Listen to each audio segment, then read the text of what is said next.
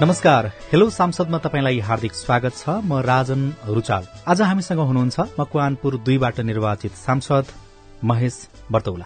यहाँलाई स्वागत छ सीआईएनमा हस् धेरै धन्यवाद नमस्कार। हिजो सड़कमा बसेर चाहिँ राज्यका विषयमा अथवा जनताका विषयमा कुरा गर्दै गर्दाखेरि सहजता थियो कि आज संसदमा बसेर नीति निर्माण गर्ने ठाउँमा पुगेर त्यहाँ बहस छलफल गरेर राज्यलाई जनतालाई केन्द्रमा राखेर गरिने छलफलहरू यो सहज छ काम चाहिँ। यो दुइटै फरक फरक कोर्स हुन्। फरक फरक कोर्सले फरक फरक एउटा चाहिँ कोर्स अफ कन्टेन्टमा हामी हिँड्छौँ। हिजो आफूले बोलेको कथन र करणीमा एकरूपता कति ल्याउन सकिन्छ भन्ने कुरा स्वयं अब यहाँ परीक्षा घडीमा आफू जोडिएको कुरा हो। यहाँ चाहिँ आफूले हिजो बोलेका कुराहरू उठाएका इस्यु मुद्दाहरूलाई जनजीविकाका सरकार विद्यार्थी समुदाय युवा यी लगायत तमाम मुलुकको राष्ट्रियता शासकीय प्रबन्धहरू संविधानका मौलिक हकका कार्यान्वयनको विषय प्रचलनका विषय यी तमाम कुरा चाहिँ यो ठाउँबाट उठाउँदाखेरि यसको सान्दर्भिकता अलग अलग हिसाबले महत्व नै छ। चुनौतीका हिसाबले पनि अलि बढी दबाव महसुस गरिरहनु होला तर केही न केही चुनौती हुन्छ। तथापि पनि यो ठाउँ यस्तो हो कि त्यो चुनौतीलाई पार गर्न सक्छ भन्ने सामर्थ्य प्रदर्शन गर्नुपर्छ त्यो योग्यता प्रदर्शन गर्नुपर्छ जो अहिले हामीले त्यो प्रयत्न गर्न खोजिरहेका छौं। नयाँ सांसदलाई चाहिँ संसदले पत्याउने कुरा सिंहदरबारले पत्याउने कुरा त्यसमा केही भिन्नता महसुस गर्नुभयो तपाईँले? त्यस्तो त हुन्छ हजुर किनभने अनुभवका हिसाबले पनि यी यस्ता कुराहरूमा अलिकति ग्याप हुन सक्छ। सिक्नु छ हामीले उहाँहरूसँग सिक्ने हो। उहाँहरूका राम्रा पक्ष सिक्ने हो र उहाँहरूलाई हामीले उहाँहरूसँग सिक्दै उहाँहरूलाई पनि हामीले प्रश्न गर्ने हो। तपाईँहरूले यी कुरामा यसरी जानुपर्छ भनेर प्रश्न पनि गर्ने हो।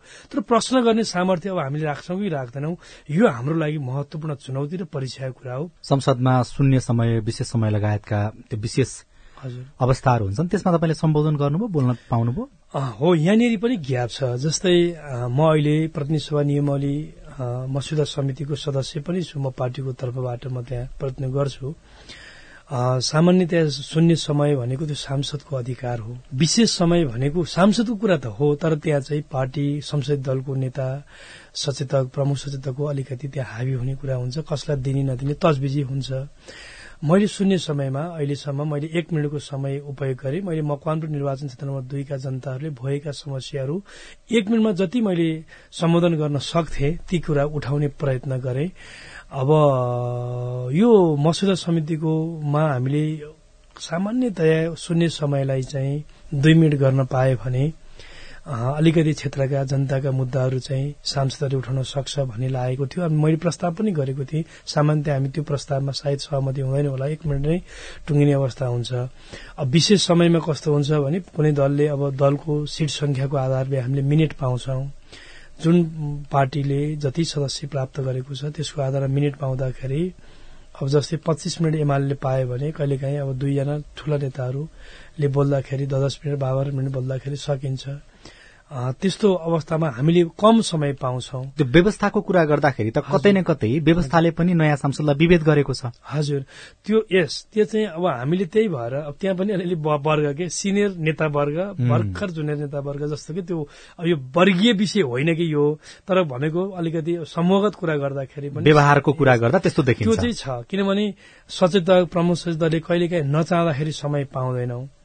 त्यो अवस्था हुन्छ तर अब त्यही कुरालाई पनि अलिकति अलिकति मिलाएर गइदिनुहोस् भनेर पनि भन्न पर्ने हुन सक्छ जस्तो एउटा सांसदले नि संसदमा बोल्नु त्यो चाहे एक मिनट होस् चाहे दुई मिनट होस् अथवा आधी घण्टा होस् बोल्नु जनताका कुरा उठाउनु त्यसले कति दम राख्छ अथवा त्यसले के गर्छ खास? अब यो असाध्यै आजको वास्तवमा संसदीय राजनीतिको एउटा असाध्यै महत्वपूर्ण र गम्भीर प्रश्न पनि हो। सांसदहरू जनताका प्रतिनिधि हुन्। जनताको भाषा जनताको समस्याहरू हामीले संसद मार्फत सरकारलाई ध्यानकर्षण गराउने कुरा हो। मैले एक मिनटमा हिजो जे बोले म सांसद भएर संसदको सभामुखलाई सुनाउन होइन। सभामुख मार्फत मैले देशको सरकारलाई सुनाउनका लागि सरकारलाई मैले अपिल गर्न जनताले यी समस्या पाइरहनु भएको छ। आज किसानहरू खेतमा जानु भएको छ मल पाउँदैनन् बिउ पाउँदैनन् राज्यको सरकारको अनुदानको मल समेत बिचौलियाहरूबाट महँगोमा किन्न पर्ने अवस्था छ। सरकारलाई हामीले ध्यानकर्षण गरायौं। कम्ती बिचौलिया कालोबजारी अन्त्य गर सरकार किसानलाई मल देऊ भन्यौं। हामी संसद मार्फत यसको दम राख्छ यसको महत्वपूर्ण विषय हो सांसदले बोल्ने कुरा। तर दुर्भाग्य के हो भने आज सांसदहरूले संसदमा बोल्ने मन्त्रीहरू यसमा सम्बन्धित तालुकदार मन्त्रालयका मन्त्रीहरू बेखबर हुने। तपाईँकै पार्टीका छन् है मन्त्रीहरू चाहिँ फेरि। जुनसुकै होस् मैले भने यसमा मेरो पार्टी अर्को पार्टी भन्दा पनि ट्रेनको कुरा गरेको संसदमा सांसदहरूले उठाएको कुरा जनताको विषय हुन्। त्यसलाई कडाईका साथ कारण गर्नुपर्ने दायित्व सरकारको हो। आजसम्मको अध्ययनले के देखाउँछ भने संसदमा सांसदहरूले उठाएका जनताका मुद्दाहरू सम्बन्धित मन्त्रालयहरूले करिब दस प्रतिशत भन्दा बढ़ी सम्बोधन गरेको त्यो देखिँदैन। संसदमा उभिएर बोल्ने कुराले बढ़ी अर्थ राख्छ कि कोही मन्त्रीसँग नजिक भएको कुराले अथवा अलिकति पाएको अनुभवी नेता भएको कारणले कसैसँग काने खुसी गर्ने सामर्थ्य राख्ने कारणले सिंहदरबारमा गएर कर्मचारी चिनेको कारणले त्यस्तो कुराले चाहिँ बढी अर्थ राख्छ? होइन हामीले संसदीय राजनीतिको कुरा संसदीय मतलब यो मूल्य मान्यताको कुरा गर्ने हो भने त जनताको आवाज त देश दुनियाँका बीचमा सबै सांसदहरू ले थाहा पाउने गरी सभामुख मार्फत हामीले सरकारलाई बुझाउने हो। तर अहिलेको परिपाटी अनुसार चाहिँ त्यस्तो छैन। यस म हजुरलाई भनौं हाम्रो भूमिका मन्त्रीको कानमा काने खुसी गर्ने प्रधानमन्त्रीको कानमा काने खुसी गर्ने होइन नीतिका माध्यमबाट यो देशको विकास समृद्धिको अगुवाई गर्ने त्यस प्रकारको नीतिगत अवरोधहरू कहाँ छ त्रुटिहरू कहाँ छ त्यसलाई गाँठो फुकाउने त्यसको पहल कदमी गर्ने हो। विकासको कार्यकारी अधिकार त हामीले चाहिँ स्थानीय सरकार मार्फत पुरा सरकार मार्फत लैजान पर्छ। तर वडा अध्यक्षले चुनावमा भोटमा त जे भाषण गर्नुभयो मेयर उपमेयरले जे गर्नुभयो पालिका अध्यक्ष उपाध्यक्षले जे भाषण गर्नुभयो मैले पनि त्यही गरेर आएको छु। भनेपछि यहाँनिर ग्याप छ। त्यसकारण हामीले हाम्रा भूमिकाहरू हामीले तीन तहको संघीय इकाइहरू बनायौँ नि। तीन तहको संघीय इकाइ भनेको त्यसको आफ्ना आफ्ना डेफिनेसनहरू छ। हामीले हेर्नुहोस् हो हामीले हामी मतलब विधायकी कामसँगै सरकार पनि त निर्माण त गर्छौं। बजेटको स्वीकृत पनि गर्छौं। योजनामा विकासमा हाम्रो ध्यान हुन्छ हुनुपर्छ। तर हामी एउटा एउटा योजना बनाएर हेर्नुहोस् मन्त्रालय दकुर्ने कुरा यो वास्तवमा ठिक होइन। तथापि पनि गर्नुपर्ने एउटा बाध्यता छ होइन? तपाईँ यदि मन्त्रालय दगुर्नु भएन जनताको विकासको योजना बोकेर पुग्नु भएन सिंहदरबारका झ्यालझ्यालमा भने हजुर। अर्को पटक तपाईँलाई जनताले त्यही अनुसार रेस्पोन्स गर्छन्। यस मैले भनेको त्यो बाध्यताबाट हामीले मुक्त बनाउन एउटा के भने विधिकै माध्यमबाट हामीले एउटा चाहिँ संस्थागत एउटा मोडललाई अगाडि बढाउनु पर्छ विकासको कस्तो हो भने आज म हेर्नुहोस् म पहिलोपल्ट निर्वाचित सांसद हो। म बजेट माग्दाखेरि मैले एक करोड़को एउटा कुनै सड़कमा बजेट पाएँ भने अलि अनुभवी मन्त्री भइसकेका भूमिका पुगिसकेका पार्टीको पहुँचदाल नेताले त्यही यस्तै प्रकृतिको योजनामा चाहिँ दस करोड़ लानुहुन्छ भनेपछि यो त विभेद हो नि भनेपछि हो यिनीहरू एकरूप हुने प्रक्रिया हामी किन गर्न सक्दैनौ भन्ने कुरा हो भनेपछि यो कुरामा हामीले एक प्रकारको बहस पनि चलाउनु पर्छ भन्ने ठान्छु म। त्यसकारण हो यस्ता कुराहरूमा हामी नीतिगत माध्यमबाट जस्तो मानौ न म एउटा कुरा म आज मेरो निर्वाचन क्षेत्रमा हेर्नुहोस्। मैले आज मेरो निर्वाचन क्षेत्रका जनताहरू एक पानीको लागि दिन बिताउनु पर्छ हेर्नुहोस्। तपाईँसँग अन्तर्वार्ता दिँदै गर्दा भन्दैछु एउटा बच्चा नौ दस एघार पढ्न आउँदा हेर्नुहोस् पाँच घण्टा आउन जान हिँड्न पर्छ हजुर हेर्नुहोस्। पालिका राजधानीसँग केन्द्रीय राजधानीसँग जोडिएको प्रदेशको राजधानी भएको मेरो जिल्ला मेरो जिल्लाको मेरो निर्वाचन क्षेत्रमा कैलाश गाउँपालिका र राक्सिराङ गाउँपालिका छ जहाँ बाह्रै महिना बाटो जान सक्दैन सदरमुकामसम्म। हो नीतिगत माध्यमबाट देशका सबै नागरिकले स्वच्छ पिउने पानीको पहुँच हुनेछ हामी किन नगर्ने? प्रत्येक पालिकाको सदरमुकाममा हामीले कालोपत्र गर्छौं हामी नीतिगत किन नभन्ने? यसरी भन्यो भने के हामी मन्त्रालय धकुर्न पर्छ अनि प्रत्येक बाल बालिका आज स्कूलमा पाँच घण्टासम्म हिँड्न पर्छ भने प्रति एउटा पालिकामा एक आवासीय विद्यालयको सुनिश्चितता किन नगरिदिने हामीले? हो यो नीतिगत माध्यमबाट हामीले गर्न पर्ने होइन र भनेपछि हो यहीँनिर हामी डिबेट गरेनौं। बहस हामीले यहाँ चलाएन हेर्नुहोस्। पहुँचका आधारबाट बजेट लाने त्यसका आधारबाट हामीले हेर्नुहोस्। अब मानसान अब त्यसमा हामीले चाहिँ चुनाव जित्ने हतियार त्यसलाई बनाउने। यो चिजलाई चाहिँ काहीँ न काहीँ हामीले चाहिँ नीतिगत माध्यमबाट बहस र छलफल गरेर जानुपर्छ जस्तो लाग्छ मलाई। तपाईँको कुरा यति सुनिसके पछाडि चाहिँ यो विषयमा कि तपाईँ एउटा नयाँ सांसदको हिसाबले जब संसदमा प्रवेश गर्नुभयो महेश बर्तौला तपाईँले पनि महसुस गर्नुभएछ कतै न कतै विभेद छ यो कुरा चाहिँ हटाउनुपर्छ भनेर। मैले त्यसो बुझ्दा हुन्छ? नै यो त देखिएको कुरा हो नि। कतिपय सांसद सांसद ओइ हुन्। हेर्नुहोस् है निर्वाचनको बेलामा हामी उम्मेद्वार एउटै प्रक्रियाबाट दिन्छौं जनताले त्यही प्रक्रियाबाट भोट गर्छन् अनि त्यही प्रक्रियाबाट चुनाव जितेर आउँछौं सँगै हामी शपथ ग्रहण गर्छौं सँगै गर्छौं अनि संसद बिरुको चाहिँ फर्स्ट बेन्चरले अनि लास्ट बेन्चर यो त अनि पहुँचका आधारमा कुनै निर्वाचन क्षेत्र त्यही मैले भनेको सांसद कसैको क्षेत्रमा अरबौं पैसा जाने कसैको क्षेत्रमा दुई करोड पनि नपुग्ने अनि यस्तो पनि हुन्छ। तपाईँ सिंहदरबार तपाईँ तपाईँ सांसद निर्वाचित भइसके पछाडि सिंहदरबारमा जनताको कामको फाइल बोकेर पुग्नुभयो? होइन पुग्नै पर्छ बाबा। मैले अब हेर्नुहोस् मैले के हो त्यो म नीतिगत माध्यमबाट सम्बोधन गर्नका लागि मैले भूमिका खेल्ने हो। अरू बाँकी त जानु भएको छैन। मैले अब मैले भने जे ट्रेन छ नि यो ट्रेनमा त वास्तवमा मैले अहिले भनेको कोर्सबाट जान सक्दा नीतिगत माध्यमबाट सिङ्गो हाउसलाई लान सक्ने सबै मान्यहरू हिँड्न सक्ने त्यसको आधारबाट हामी सांसदको परिभाषा हुन सक्ने हुँदा हामी कोही पनि जान पर्दैन। जब आज हामी जुन ट्रेनमा मैले अहिले भने चुनावमा म भोट माग्दाखेरि मैले ओडा अध्यक्षले बोलेकै जस्तो मेयर अध्यक्षहरूले बोलेकै जस्तो भाषा बोलेर मैले चाहिँ आएको छु। बाटो पुल बनाइदिन्छु। भनेकै छु मैले भनेको यो चिज हाम्रो संविधानले दिएको अनुमतिभित्र होइन। होइन। तर तर हामी किन भन्दैछौँ भने हामी हेर्नु संहितामा आँगनको सरकार भनेको त स्थानीय सरकारलाई भनेको हो नि हजुर। सिंहदरबारको अधिकार त स्थानीय सरकारलाई दिने भनेको हो नि त हामीले भनेपछि हो त्यही चिजलाई नीतिगत रूपमा व्यवस्थित गरेर जानु पर्यो। तर हामी त्यो ट्रेनमा अहिले पनि हिँड्न तयार छैनौं।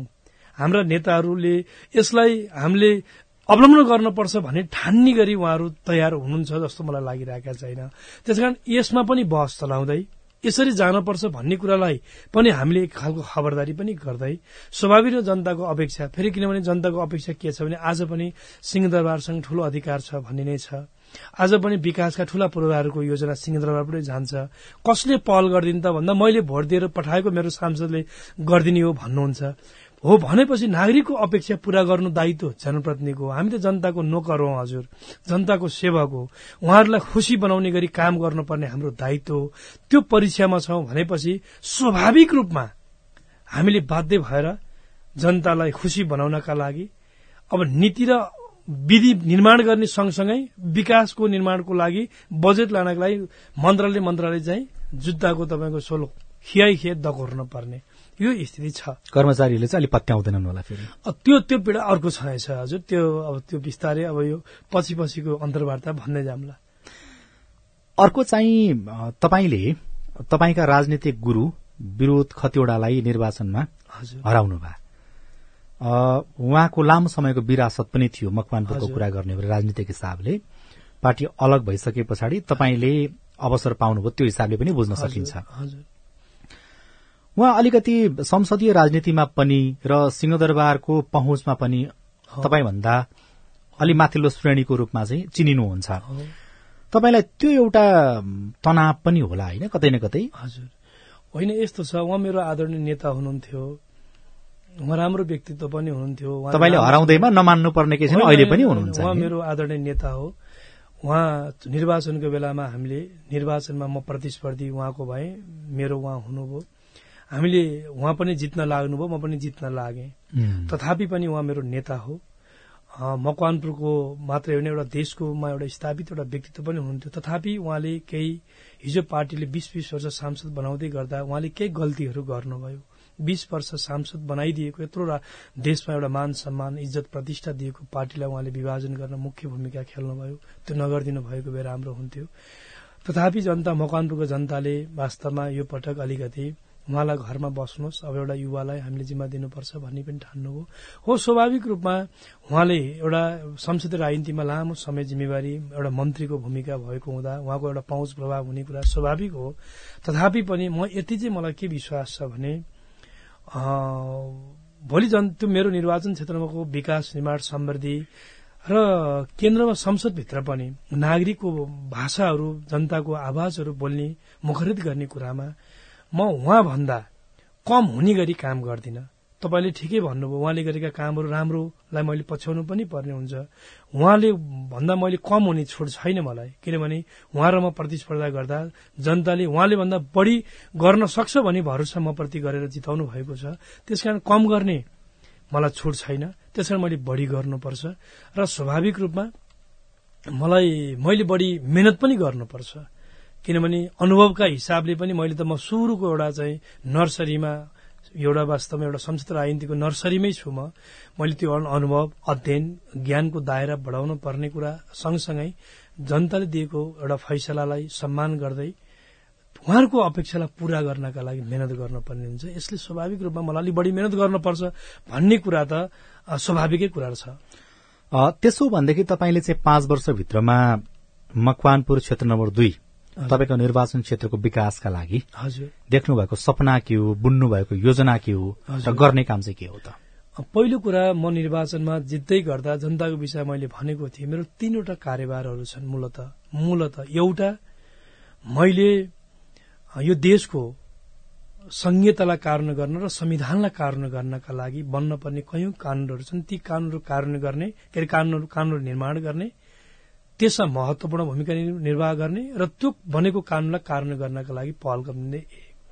दोस्रो मैले तीन तहको संघीय इकाइहरूको बीचको समन्वयकारी भूमिका निर्वाह गरेर मैले चाहिँ कानून कार्यान्वयन र विकासका अभियानहरूलाई अगाडि बढाउने तेस्रो निर्वाचन क्षेत्र केन्द्रित भएर त्यहाँको जनताका विषयहरू के छन् संसदमा लाने संसदको माध्यमबाट सरकारलाई ध्यानकर्षण गराउने र त्यहाँका समस्याहरू समाधान गर्ने जस्तै आज पनि त्यहाँ पिउने पानीको मैले हजुरलाई भने पिउने पानीको समस्या। कुन ठाउँमा यो? मकवानपुरको मेरो निर्वाचन क्षेत्रमा मूलत कैलाश गाउँपालिका राक्सराङ गाउँपालिका मनरी गाउँपालिका पनि छ। मेरो निर्वाचन क्षेत्र मूलत चेपाङ बनकरिया बोटे जस्ता लोपोन्मुख जातिहरूको बसोबास तामाङहरूको छयालिस प्रतिशत बसोबास भएको त्यहाँ मेरोमा अशिक्षाको ठूलो संख्या अभाव र गरिबी छ। आज पनि जन त्यहाँका के चेपाङ दाजुभाइहरू हेर्नुहोस् तीन महिना भन्दा बढ़ी खान पुग्दैन। त्यसपछि उहाँहरूको बाँकी नौ महिना उहाँहरूको असाध्यै दुःख कष्ट जीवन निर्वाह हुन्छ। भौतिक पुराहरूको विकासको अवस्था दयनीय छ। पालिकाको सदरमुकाममा पुग्ने बाह्रै महिनाको बाटोको सुविधा छैन। कालोपत्रे कुरा त पर जाओस्। मेरो निर्वाचन क्षेत्रमा दुईटा पालिका कैलाश गाउँ र राक्साङ गाउँपालिका जहाँ पचास मिटर पनि कालोपात्रे छैन। त्यस्तो देशको धेरै ठाउँहरूमा त्यो छ। मैले रात केन्द्रीय राजधानीसँग जोडिएको जिल्ला भएको हिसाबले निर्वाचन क्षेत्र भएको हिसाबले त्यो भने। बच्चाहरू थाहा नगरपालिकामा एउटा उदाहरण दिउँ। थाहा नगरपालिकाको एघार नम्बर र बाह्र नम्बर वडा जहाँका विद्यार्थीहरू जहाँको विद्यार्थीहरू बिहान छ पाँच बजे उठेर नौ र दस पढ्नलाई पाँच बजे उठेर हिँड्छन्। त्यसकारण एउटा प्रत्येक यो मकवानपुर जिल्लाको लागि मात्रै हो मेरो क्षेत्रको लागि मात्रै होइन, सिङ्गो देशव्यापी समस्या हो। प्रत्येक विशेष गरी शहरी इलाकामा होइन ग्रामीण इलाकामा एक पालिका एक आवासीय विद्यालयको माध्यमबाट हामीले जाने हो नौ दस एघार बाह्र पढ्ने बालबालिकाहरूलाई आफ्नो पालिकामा मिठो नमिठो खाएर कम्तीमा पनि पढ्ने एसई गरेपछि एघार बाह्रसम्म पढ्ने एउटा अवस्था निर्माण गर्न सक्छौँ। बढीमा दुई सय जति विद्यार्थी त्यो अवस्था निर्माण मैले गर्नुपर्नेछ। सोधिहालेँ त्यस पछाडि थप छलफल गरौँला। तपाईँले नाम लिनुभएका पालिकाहरू खास गरी कैलाश राक्सिराङ मनहरी र थाहा नगरपालिकाको पनि कुरा गर्नुभयो। खानेपानीको प्रसंग उठाउनु भएको थियो। खानेपानीको समस्या चाहिँ तपाईँको यो पाँच वर्ष कार्यकालभित्र समाधान गर्नुहुन्छ? यसमा मेरो दुईटा कुरा छ। एउटा नीतिगत माध्यमबाट देशव्यापी रूपमा प्रत्येक नागरिकको पहुँचमा पिउने पानीको सुनिश्चितता त्यो लेख्ने कुरा त Yes. एक वर्षभित्रै पनि होइन। मैले लेखेको कुरा कम्ती नै नीति निर्माताहरूले लेखेको कुरा कार्यकर्ताहरूले कार्य गर्दा समस्या समाधान हुन्छ मैले तीन तहको सरकारको बीचको समन्वय गरेर जाने हो भने कम्तीमा पनि?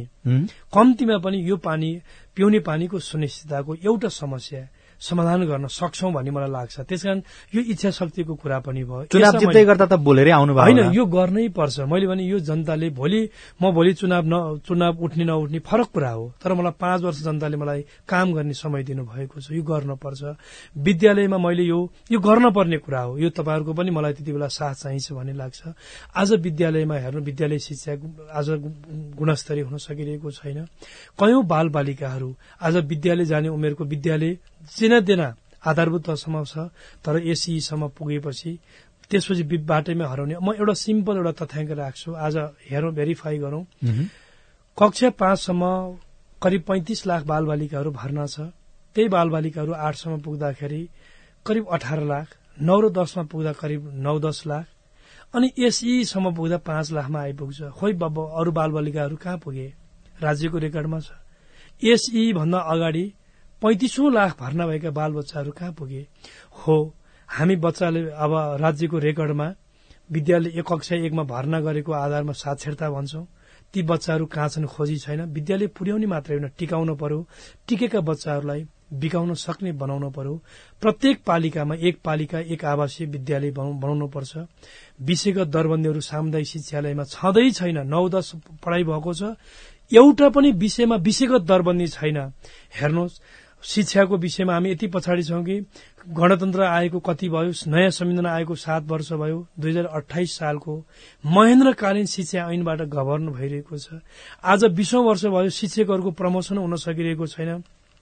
सार्वजनिक शिक्षाको गुणस्तरको हालत त्यो छ हेर्नुहोस् त्यसकारण एघार बाह्र राज्यले मावि तहमा राखेको छ। एउटा दरबन्दी अनुदानमा बाहेक एउटा स्थायी दरबन्दी एघार बाह्रमा छैनपछि हामीले यी विषयमा मेरो निर्वाचन क्षेत्रको समस्या यही नै छ। कतिपय नीतिगत समस्याहरू छ हेर्नुहोस्। मेरो एउटा राष्ट्रिय निकुञ्ज ऐनले निर्माण गरेका कानून जटिलता गर्दा मनरी गाउँपालिकामा पिँढी भत्किँदाखेरि आँगनमा भएको बालुवा प्रयोग गर्नका लागि आफ्नो पालिकामा अनुमति लिन होइन बाह्र जिल्लामा गएर अनुमति लिएर आउनु पर्ने एक ट्र्याक्टर बालुवाको बाह्र सय तिर्न पर्ने यो खालको एउटा यति ठूलो गणतन्त्र आइसक्यो। तर नागरिकहरूमा वास्तवमा हेर्नुहोस् हिजो राजतन्त्रकालीन कानूनले आज ढामिरहेको छ दुःख पाइरहेको छ यसमा मैले कानून काम गर्नुपर्ने छ। युवाहरूको रोजगारीलाई मैले मकवानपुरलाई अलिकति उद्योग धन्दा सञ्चालन गर्न अलिकति औद्योगिक लगानीको वातावरण बनाउने गरी सबै तहको सरकार र जनप्रतिनिधि समन्वय गरेर काम गर्नुपर्ने छ। मैले केही आधारहरू बनाउँदैछु छलफल प्रक्रिया अगाडि बढाउँछु। यी यस्ता कामहरू मैले मेरो कार्यकालमा नीतिगत रूपमा वा कतिपय मन्त्रालयसँग समन्वय गरेर तीन तहसँग समन्वय गरेर गर्नुपर्छ। अब अलिकति तपाईँले पाँच वर्षभित्रमा गर्ने कामको कुरा गर्दाखेरि चाहिँ हिजोदेखि त्यो निर्वाचन क्षेत्रमा जित्दै आएका सांसदको अथवा वर्षौंदेखि चाहिँ प्रभुत्व जमाइराखेका सांसदहरूको र तपाईँहरू नयाँ आएका जोस जाँगर सहित युवा भनिएका सांसदहरूको सबैको काम गर्ने शैली उस्तै भयो उही तरिकाको भयो। काम गराई उस्तै भयो विकासको तरिका पनि उही भयो र निर्वाचन क्षेत्रको पनि उस्तै खालको मुहार भयो भनेदेखि त के मजा भयो? त्यसकारण तपाईँको निर्वाचन क्षेत्र चाहिँ अरू सांसदहरूको भन्दा फरक हुन्छ। साँच्चीकै युवाले नेतृत्व गरेको निर्वाचन क्षेत्र हुन्छ है। यो हो है भन्ने खालको उदाहरणीय बनाउने। त्यो बन्छ कि भन्दैन त्यो बनाउनु पर्छ हेर्नुहोस्। तर सामान्यतया हेर्नुहोस् हिजोदेखिका समस्या जे छ त्यही समाधान गर्न लाग्ने हुँदा प्रक्रिया र पद्धति उस्तै जस्तो देखिन्छ। तर फरक कहाँनिर हो भने हामीले वास्तवमा कुनै पनि सफल वा जोसुकै अगुवाई गर्ने अगुवाहरूले कहिले पनि नयाँ काम गरे हुँदैन। त्यही कामलाई तरिका चाहिँ नयाँ ढंगले गरेको हुन्छ। तरिका मात्रै नयाँ हुन्छ। जस्तै म अहिले भनौं आज निर्वाचन क्षेत्रमा गएको बजेट हेर्नुहोस्। विकास आज पुँजीगत खर्चको कुरा गर्नु असाध्यै कम छ। विकास निर्माणमा गएका यो बजेट कारण हुँदैन त्यो शतप्रतिशत कारण गर्ने कामको पहल कदमी खबरदारी अगुवाई हामीले गर्नुपर्छ। शिक्षामा हामीले प्राथमिकता दिनुपर्छ। केलाई प्राथमिकता राख्ने हो? शिक्षा स्वास्थ्य यी यस्ता विषयहरूमा अलिकति पहल कदमी चाहिँ राख्नुपर्छ। त्यसै गरी अलिकति हामीले हेर्नुहोस् नैतिकताको कुरा पनि अलिकति दायित्वको कुरा पनि गर्नुपर्छ। हामीले आजसम्म अधिकारको कुरा धेरै गर्यौं हाम्रा कर्तव्यको कुरा पनि हामीले सोसाइटीलाई भन्नुपर्छ बताउनुपर्छ हेर्नुहोस्। त्यस कारणले गर्दा म अहिले सांसद भएँ म पाँच वर्षको लागि हो। त्यसपछि के हुन्छ? आवश्यकता के हुन्छ? नहुन पनि सकिन्छ। तर मैले के हो भने हामी कहाँ पाँच वर्ष पछिको लागि अहिलेदेखि हामी गलत ट्रेन गलत खेतीपाती अनेकौं हिसाबको जे अन्य ठाउँमा कतिपय ठाउँमा हामी देख्छौं त्यो छ। गएको योजनाहरूको शत प्रतिशत कार्यान्वयन सँगसँगै अलिकति सुशासन प्रवर्धनमा पनि ख्याल गर्नु पर्यो। पब्लिक सर्भिस डेलिभरीमा हामी ध्यान दिँदैनौं। पब्लिक सर्भिस डेलिभरीमा हामीले मुख्य ढंगले प्राथमिकता राख्नुपर्छ। त्यस कारणले गर्दा सो काम यिनै हुने हेर्नुहोस्। अलिकति छिटो छरितो ढंगले जनता गुनासोलाई गुनासोलाई सुनेर संसद मार्फत सरकारको ध्यानकर्षण गराएर र पहल कदमी लिने कुरा अलि बढी इनिसिएस पहल कदमी लिने कुरा तदारुकता लिने कुरामा चाहिँ हामीले गर्छौं र रेस्पोन्स गर्ने कुरा हो। जितेर पठाइसकेपछि मैले यो फोली पाएँ त्यसपछि मलाई मान सम्मान पाइहाले भन्ने हिसाबले जनतासँग विच्छेद भएर होइन जनसम्पर्क बढ़ाउँदै किनभने मैले गरेको व्यवहारबाट जनताले म सांसदलाई मलाई मात्रै ठिक भन्दा भन्दैन। मसँग प्रयत्न गरेको मेरो सिङ्गो संसदप्रतिको नागरिकको हेराइको दृष्टिकोणै फरक हुन्छ।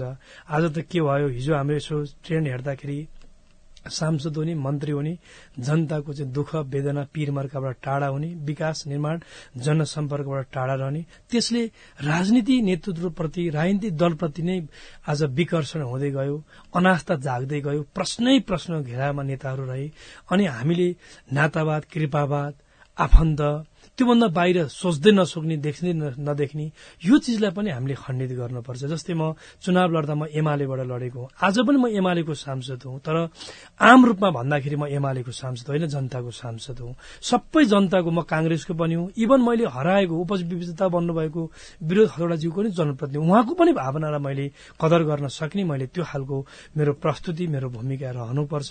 सब सबैको सांसद हुने भूमिका मार्फत नै हामीले यो प्रणालीलाई बलियो बनाउन सक्छौ।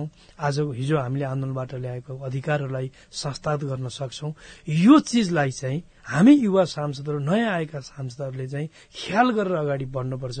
हामीले पार्टी पार्टीभित्र गुट गुटभित्र चाहिँ एकदम नजिकको गोजी अनि मवाद परिवारवाद योभन्दा बाहिर चाहिँ जान नसक्ने हो भने हेर्नुहोस् यो व्यवस्थामाथि नै चुनौती छ।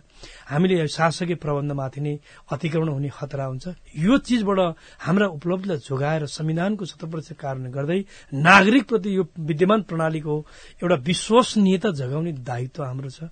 त्यो पूरा गर्न पर्छ। त्यो आजको प्रधान कार्यभार हो। यो पूरा गर्ने संकल्प हरेक सांसदको हुनुपर्छ। अन्तिममा र छोटकरीमा पाँच वर्षको आसपासमा फेरि यसै गरी हामी तपाईँसँग स्टुडियोमा बस्यौं भने अथवा तपाईँको निर्वाचन क्षेत्रमै पुगेर तपाईँले गरेका राम्रा कामहरू त्यहाँ सुशासन कति देखिन्छ? फिल्डमै गएर हेरौँ न त भन्यो भनेदेखि त्यति बेला तपाईँसँग देखाउन भन्न लायक कुराहरू हुन्छन्?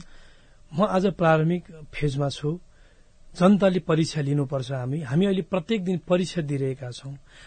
प्रत्येक कुराहरू जनताले हेरिरहनु भएको छ हाम्रो अडिटहरू गरिरहनु भएको छ। त्यसकारण यो पाँच वर्ष मैले जनताको विषय केही कमिटमेन्टहरू गरेको छु। पाँच वर्ष पछि जब यसको हाम्रो कार्यकाल सकिन्छ तपाईँहरूले हाम्रो अडिट गर्नुपर्छ। तपाईँहरू मार्फत नै हाम्रो समस्या गरिदिने हो। म आग्रह गर्न चाहन्छु गरिदिने होस् र म यति भन्न चाहन्छु यो परीक्षामा सवाई हुँदा सायद म फेल हुने गरी म काम गर्दिनँ भन्ने लाग्छ मलाई। म इमान्दारिता निष्ठा र नैतिकतालाई मैले म वास्तवमा र जनताले म प्रति गरेको भरोसालाई मैले केन्द्रमा राखेर हिँड्छु। म फेल हुने गरी काम गर्दिनँ। म सक्दा म डिस्टिङसन नम्बर प्राप्त हुने गरी जनताको भरोसालाई कायम गर्ने गरी काम गर्छु। नसक्दा पनि म फर्स्ट डिभिजन हुँदै भएन भने म फेल हुँदैन भन्ने मेरो छ। फेल भयो भने त जनताले मलाई दण्डित गर्नुपर्छ। म त्यो तपाईँ मार्फत त्यो म जनतालाई यो अपिल गर्न चाहन्छु। हस्। तपाईँको जुन योजनाहरू छन् तपाईँका जुन जुन कार्यक्रमहरू छन् त्यसमा सफलता मिलोस्। हाम्रो तर्फबाट पनि शुभकामना यहाँलाई धेरै धेरै धन्यवाद छ। समय संवादका लागि यहाँलाई धन्यवाद छ। हस् धेरै धन्यवाद छ। यो सँगै हेलो सांसदको समय सकिएको छ। प्राविधिक साथी सुभाष पन्तसँगै म राजन रुचाल पनि बिदा हुन्छु